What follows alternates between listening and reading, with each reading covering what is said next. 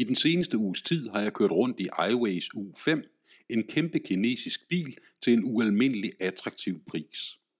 Stort set alle, der så bilen, mens jeg havde den, gættede på, at den kostede op mod en halv million kroner. Faktum er, at den fuldt udrustede premium udgave, jeg havde lånte, kan fås for bare 335.000 kroner. Man får ganske enkelt sindssygt meget bil for pengene, hvis man vælger Aways. Mens jeg har din opmærksomhed, vil jeg lige opfordre dig til at give videoen et like, hvis du kan lide den. Og hvis du vil have mere fra samme skuffe, så abonner på vores YouTube-kanal. iWays er en del af den kinesiske elbilbølge, der kører ind over EU's grænser i disse år. iWays blev grundlagt for bare fire år siden, og U5 var klar til vejene efter bare to års udvikling, hvilket må sige at være ret imponerende. Eller skræmmende, alt efter temperament. U5 er en bil, der får opmærksomhed. Mens Tesla er blevet et hverdagssyn på de danske veje, så skiller U5'eren sig ud med sin markante front, sit anderledes design og gedine størrelse. Apropos design, så synes jeg, at kineserne er sluppet okay afsted med det. Den er hverken specielt køn eller voldsomt grim. Altså hvis man ser bort fra fronten, der får bilen til at ligne et amfibiekøretøj. Der burde i øvrigt følge insektfjerner med, når man køber bilen, for der hænger læsevis af døde insekter til lidt i parade på den flade front efter en køretur til Jylland. Indenfor er der imponerende meget plads. Man sidder højt, der er fin plads til armbevægelser, og selv høje bagsædepassagerer har luft til både hovedet og til fødderne. Netop rummeligheden er en af bilens helt store plusser. Der kan være 432 liter i bagagerummet, når sæderne er slået op. U5 har ikke nogen ladekant, og når bagsæderne lægges ned, er gulvet helt plant fra bagklap til forsæder. Det er smart. I øvrigt kan der være 1555 liter, når bagsæderne er lagt ned. U5 er spækket med udstyr. Føreren har en tredelt skærm med informationer om kørslen, mens underholdningen og bilens funktioner kan betjenes via en 12,3 tommer stor skærm i midten. Der er separat touchpanel til direkte betjening af det tozonede klimaanlæg, og på det firkantede sportræt er der hurtig adgang til de mest brugte funktioner. Styresystemet er iWays ejet, og det er både hurtigt og ret simpelt at finde rundt i. Der er ikke nogen indbygget navigation, så man må bruge sin mobiltelefon i stedet. U5 kan håndtere Apple CarPlay, men ikke Android Auto. I stedet bruges Easy Connect, når Android-mobiler skal tilsluttes. På nuværende tidspunkt kan bilen ikke opdateres over the air, men den funktion kommer, lover iWay. U5 er udrustet med en ret velfungerende adaptiv fartpilot. Sammen med den aktive vognbaneassistent gør det bilen dejligt afslappende at føre på motorveje. Der er endda automatisk parkeringsassistent, der både kan smide bilen i bås og parallelt parkere. Derudover er der varme i forsæderne, elbetjent panoramatag med solgardin, nøglefri adgang og start, blindvinkelalarm, læderindtræk og meget, meget mere. Alt sammen til en pris på bare 340.000 kroner. Man får virkelig lir for pengene. En sjov detalje er, at der er kameraer både foran, bagpå og på siderne. Og det betyder, at U5 kan lave en total 360 graders billede af bilens omgivelser. Det er ret smart, hvis man skal manøvrere trange steder. Men der er også et par blundere. Under betjeningen af klimaanlægget er der lavet plads til, at man kan oplade sin smartphone trådløst. Men CarPlay-tilslutning kræver USB-kabel, og så kan telefonen ikke være i rummet. Det ser tjusket ud, og man kan ikke betjene klimaanlægget. Det er også ærgerligt, at kineserne har sovset kabinen ind i det desværre så populære pianolak. Støv og snavs ses alt for tydeligt. Bortset fra det, så er kabinen holdt i lækre materialer, der føles både robuste, eksklusiv og langt over prisklassen. Der er dog ikke nogen klimazone til bagsædet.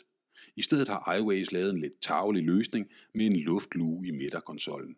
Ah, Bilen har et batteri på 63 kWh og en WLTP-rækkevidde på op til 410 km. Den realistiske rækkevidde er dog på omkring 350 km. Bilen er forhjulstrukket, og motoren yder det, der svarer til 204 hestekræfter. Den har en topfart på 150 km i timen og accelererer fra 0 til 100 på 7,5 sekunder. Det er altså ikke nogen racerbil, men sløv føles den bestemt heller ikke. Opladningen er desværre ikke udpræget hurtig. Hjemme i garagen kan U5 kun trække strøm fra en enkelt fase, og det betyder, at den maksimalt kan oplades med 3,7 kW. Det tager med andre ord knap et døgn at oplade batteriet fra 0 til 100 procent. Det går lidt nemmere på farten, hvor U5 kan suge op til 90 kW fra hurtigladerne. Og så kan man altså få 240 km på batteriet på en halv times tid. I øvrigt sidder ladestikket foran på bilens venstre side.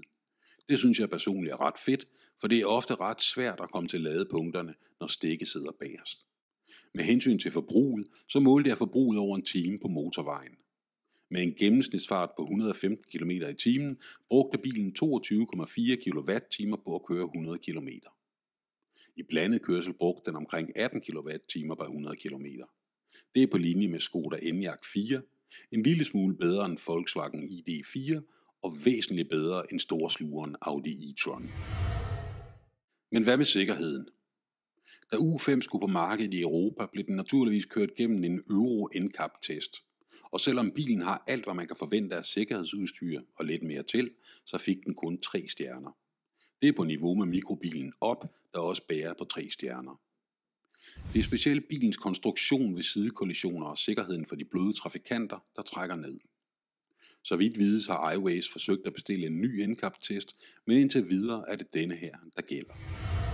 Selvom bilen er proppet med udstyr, så mangler der én ting, som mange danskere er glade for. Bilen er nemlig ikke godkendt til krog. Den slags er kineserne vist ligeglade med.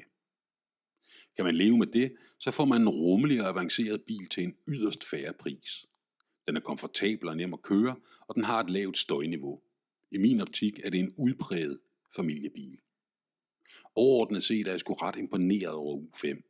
Den er måske ikke ligefrem smuk, men det er jo indholdet, der tæller, og det får man til overflod i form af udstyr, der er tilkøb hos alle konkurrenterne iWay stoler da også på, at de har et godt produkt.